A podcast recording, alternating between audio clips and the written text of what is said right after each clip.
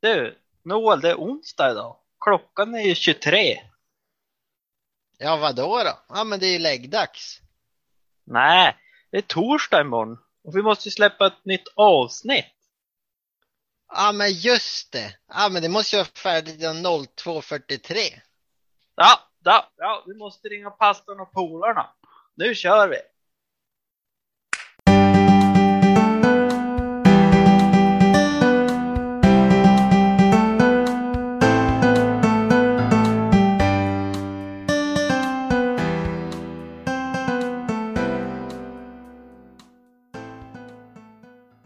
Välkommen till pastorn och polarna. Eh, I dagens avsnitt kommer vi snacka lite, lite avancerat kanske för, för i alla fall för jag. Men eh, vi ska börja med att snacka om veckan, prata lite. Hur har veckan varit? Den har varit bra.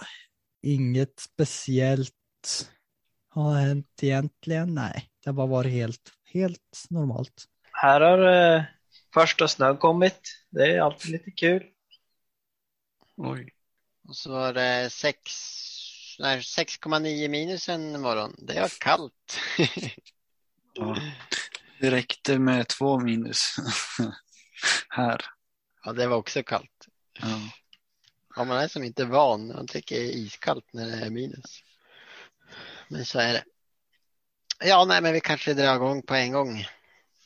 I dagens avsnitt Eh, ska vi försöka oss på ett stort ämne. Eh, Gud i Gamla Testamentet. Många har funderat över varför det verkar vara så stor skillnad på Jesus i Nya Testamentet och Gud i Gamla. Eh, Jesus verkar vara kärleksfull och god och med, medkänsla och, och liksom så. Medan Gud verkar ond och grym i Gamla Testamentet. Vi ska försöka ge våra tankar kring det. Eh, det här är inte fullständigt svar, men vi ska göra vårt bästa och försöka komma med några tankar i alla fall. Så Adam, du kan börja lite. Vi tänkte att, att det var lämpligt att börja från början eh, i skapelsen. För vi tänkte att där står det efter varje dag att Gud såg att det var gott. Och när han har fullbordat sin skapelse så står det i vers 31 att Gud såg på allt som han hade gjort och ser det var mycket gott. Om han skapade allting gott så visar det ju att Gud har goda avsikter från början. En ond Gud skulle inte skapa allting gott. Men sen om man, om man ser på, på dagens värld och samhälle så är ju inte allting gott. Utan det onda har sin rot någonstans ifrån. Och Bibeln beskriver det som, som syndafallet. Och det kan man läsa mer om i Första Mosebok eh, kapitel 3. Bibeln beskriver också ondskan som roten till, all, till det dåliga som händer runt omkring. Eh, till exempel, ett bra exempel är i Jobs bok där det beskrivs hur en man testas väldigt svårt och att det just är Satan som, som ser till att han får det svårt. Så vi tycker inte att man kan skylla allt på Gud för att Bibeln gör inte det. Men sen har vissa människor valt att gå emot och trotsa, eller egentligen vi alla på något sätt. Allt sedan syndafallet. Ja, man brukar kunna säga att vi blir född in, in, i en syndenatur nu. Liksom det är, synden är det som härskar. Det är Satan på den här jorden. Men ska jag läsa två, två texter eller några texter just om det där varför vi inte kan skylla allt på Gud. Eh, Andra Mosebok 34 och 6. Eh, där står det Herren gick förbi Mose och ropade Jag är Herren, Herren, den nådige och barmhärtige guden som inte lätt blir vred men är rik på nåd och trofasthet. Så Gud själv säger ju vem han är. Och ja, då har vi ingen anledning att, att liksom skylla, skylla ondska på han där. Sen är det Jona kapitel 4 och vers 2. Det är en intressant historia, jag ska bara hitta dit. i Bibeln. Nu, Jona 4 och 2. Han bad till Herren. Herre, detta, det, detta är väl precis vad jag sa medan jag ännu var hemma i mitt eget land. Det var därför som jag försökte komma undan och ge mig iväg till Tarsis. Jag visste att du var en nådig och barmhärtig Gud, sent till vrede och nåderik och att du skulle ångra det onda. Så vadå, Jona, han visste att Gud var nåd, nåderik och kärleksfull. Ja, jag tänker för lite sammanhang så, så blev han arg på Gud för att han var så nådig att han efter att Jona hade predikat valde att inte förgöra en hel stad. Ja, så att Jona blev arg på Gud för att han var nådig och kärleksfull. Det är lite komiskt. Men sen står det också på några ställen i Bibeln eh, att Gud gör saker som kanske inte vid första ögonkastet verkar så gott. Nej, och eh, det hittar vi i Andra Moseboken kapitel 34 och vers 7 har vi tagit fram ett exempel. Där står det så här.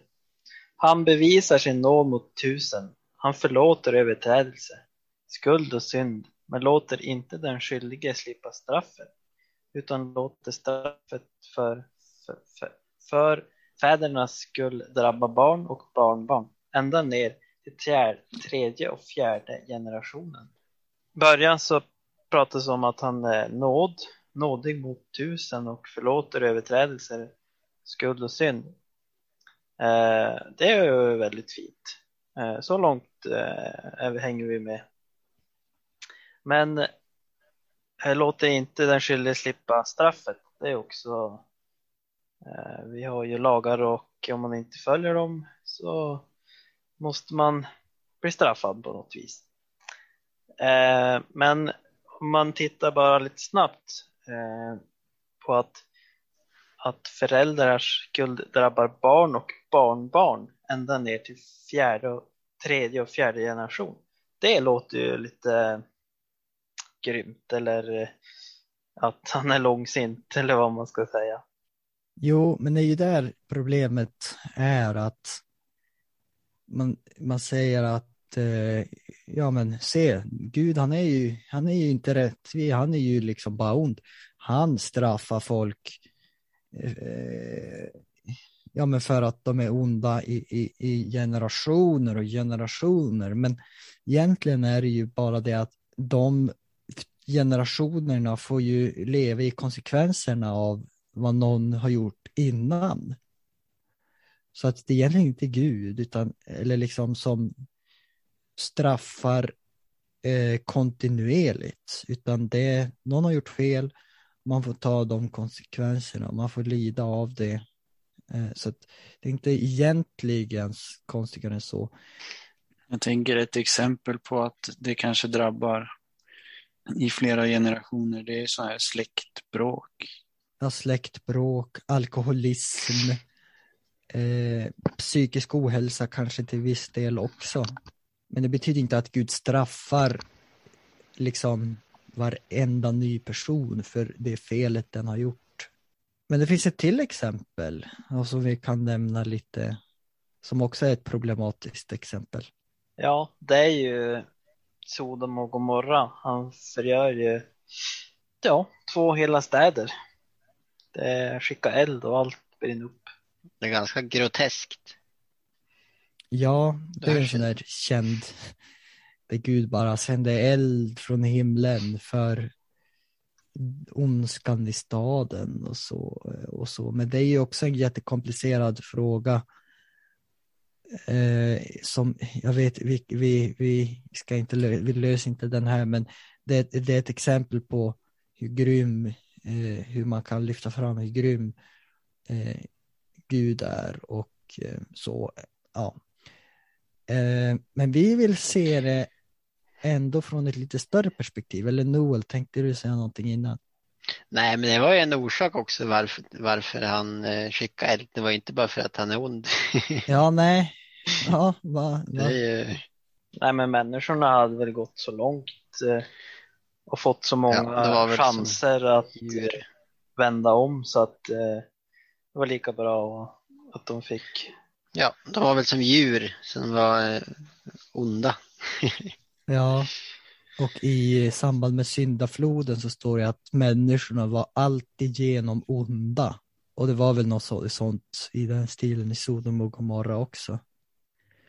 Så det finns anledningar, men okej. Men eh, nu tänkte jag att vi ska komma ihåg det större perspektivet också på det här. För att de här bibelberättelserna är ju i Gamla Testamentet och det finns ett, ett stort perspektiv där också.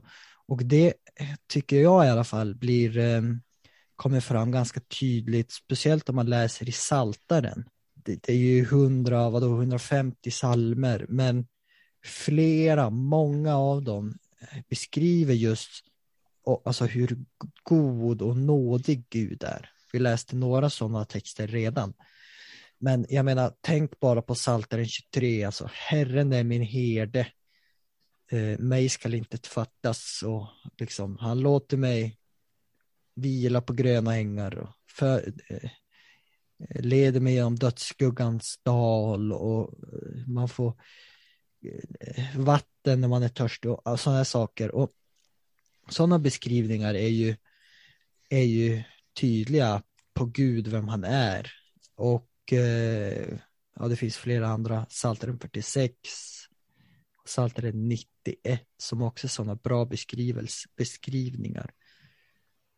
Sen har du eh, hur Gud och Israels folk under ökenvandringen, när de var 40 år i öknen, så hade Gud en molnstod om på, på dagen. Och det är ganska intressant för att moln på dagen innebar skugga för folket i öknen. Och en eldstod på natten betyder värme på natten när det var oftast ganska svinkallt i öknen på natten. Så det är ganska häftigt att Gud liksom ser till det också. Eh, och så det här tabernaklet som de bygger i, i öknen som skulle vara liksom att Guds närvaro skulle kunna vara där i med när de flyttade och vandrade på sig. Och så mannat som de fick, alltså mat. Under de här 40 åren så fick de manna som de kunde plocka varje dag och äta. Vi skrev inte upp det, men det står också att deras kläder blev inte utslitna fast de gick i 40 år. Precis, det Mm. finns Aldrig. många sådana exempel. Aldrig tänkt. Ja, det är ganska otroligt. Nej, inte heller.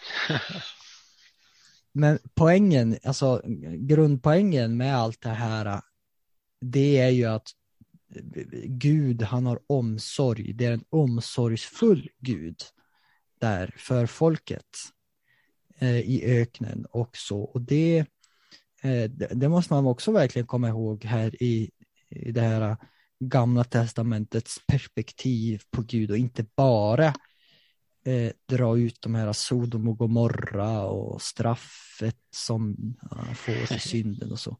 För att jag tror att det större perspektivet är, alltså, ja, det, det, det är liksom det, det överlägsna perspektivet än, om, än bara om man fokuserar på den, på det här ondskan hos Gud. För att det blir lite fel, missriktat. Men eh, nu ger jag ordet till Noel för du hade något intressant här eh, i det här Ja. sammanhanget. Ja, nu har vi sett att Gud är god i gamla och så när vi läser Bibeln så är det ju den samma Gud i både nya och gamla testamentet. Och även om det är 66 enskilda böcker skrivna på två eller tre, i två eller tre kontinenter och på tre olika språk under en period på cirka 1500 år. Det är länge alltså.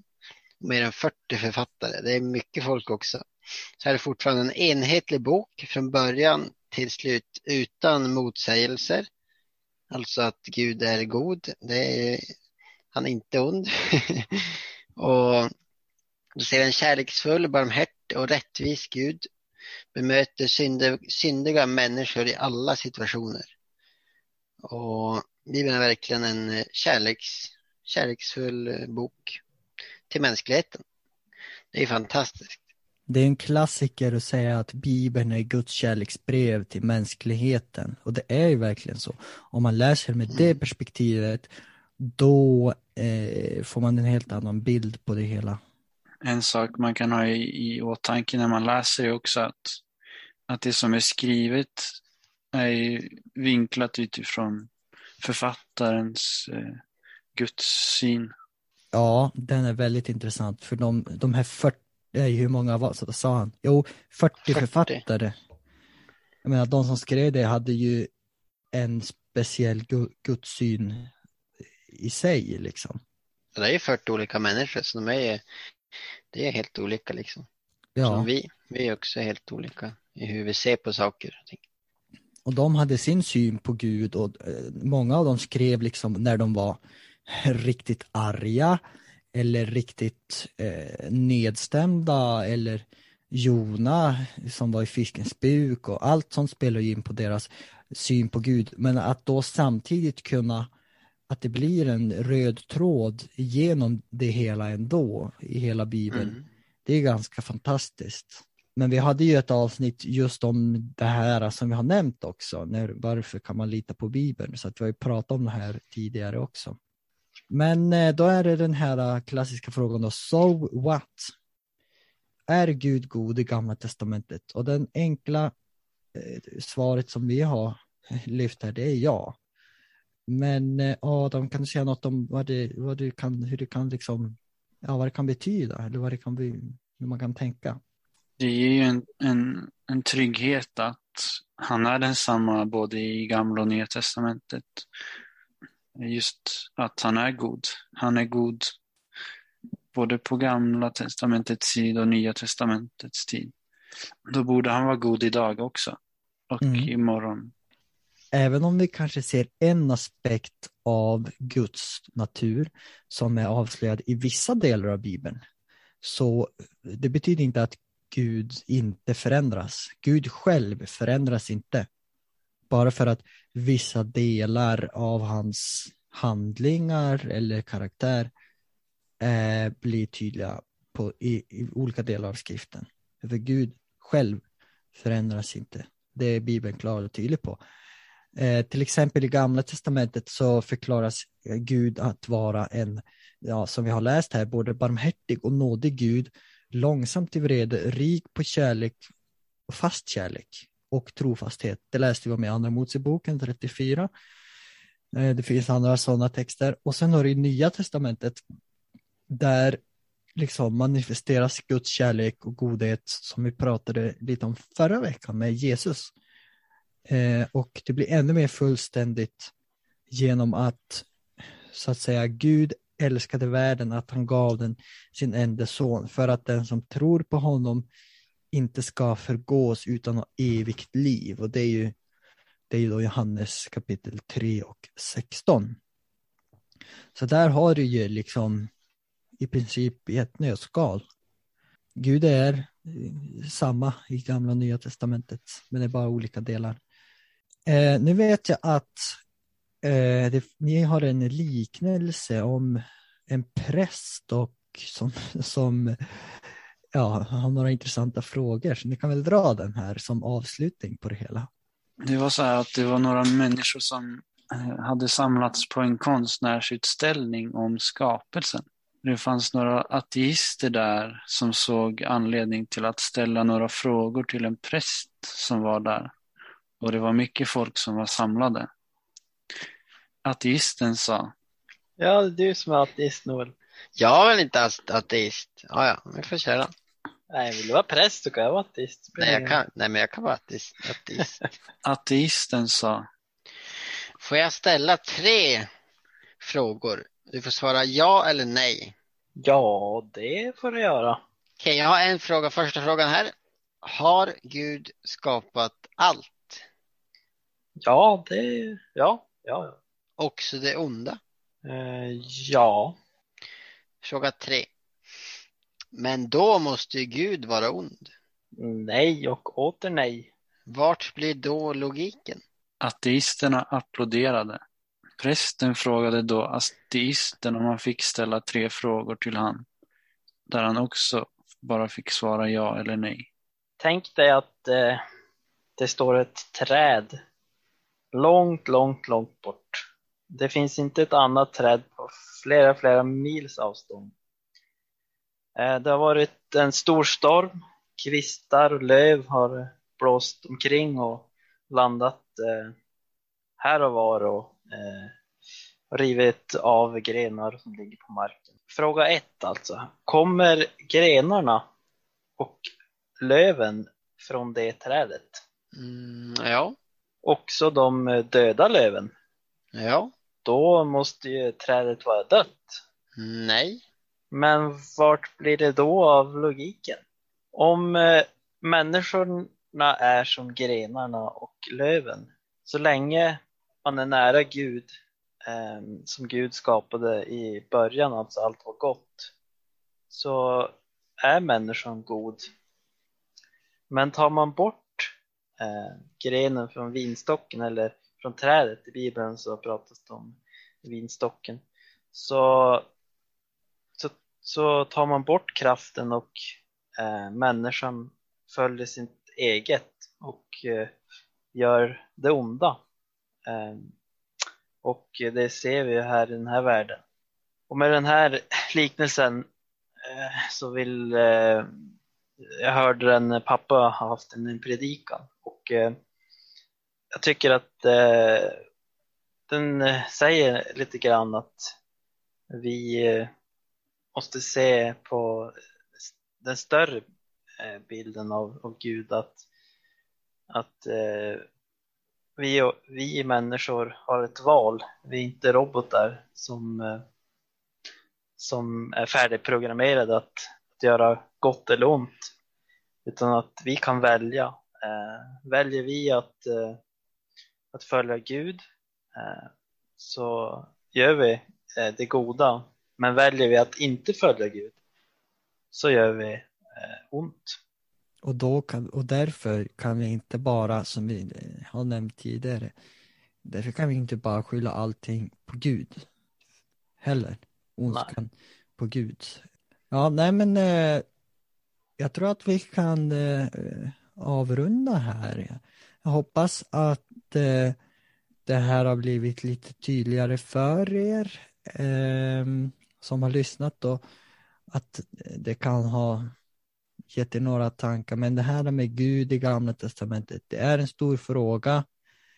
Det är, når, det är något av ateisternas eh, älsklings eh, eh, grej att prata om, typ Sodom och Gomorra och allt det här. Gud är god, men ja, jag vill vara fräck tillbaka och säga att ateisterna eller, eller så, läs hela Bibeln, se det större perspektivet, läs Saltaren och läs de beskrivningarna av Gud som han är och det Gud själv säger vem han är i Gamla Testamentet. Därför om vi ska veta vem Gud är så är det bäst att liksom gå till ja, men så, så, så långt i källan som möjligt. Och det finns bra sådana texter som jag har nämnt om här. Så att eh, dra inte bara ut vissa grejer och, och, och, och skylla allt på Gud bara för, bara, för, bara för det helt enkelt. Så det var allt för idag. Jag hoppas att vi hörs och eh, ja, ses gör vi inte, men eh, ja, vi i alla fall, vi hörs nästa vecka för ett sprillans nytt avsnitt. Hej då!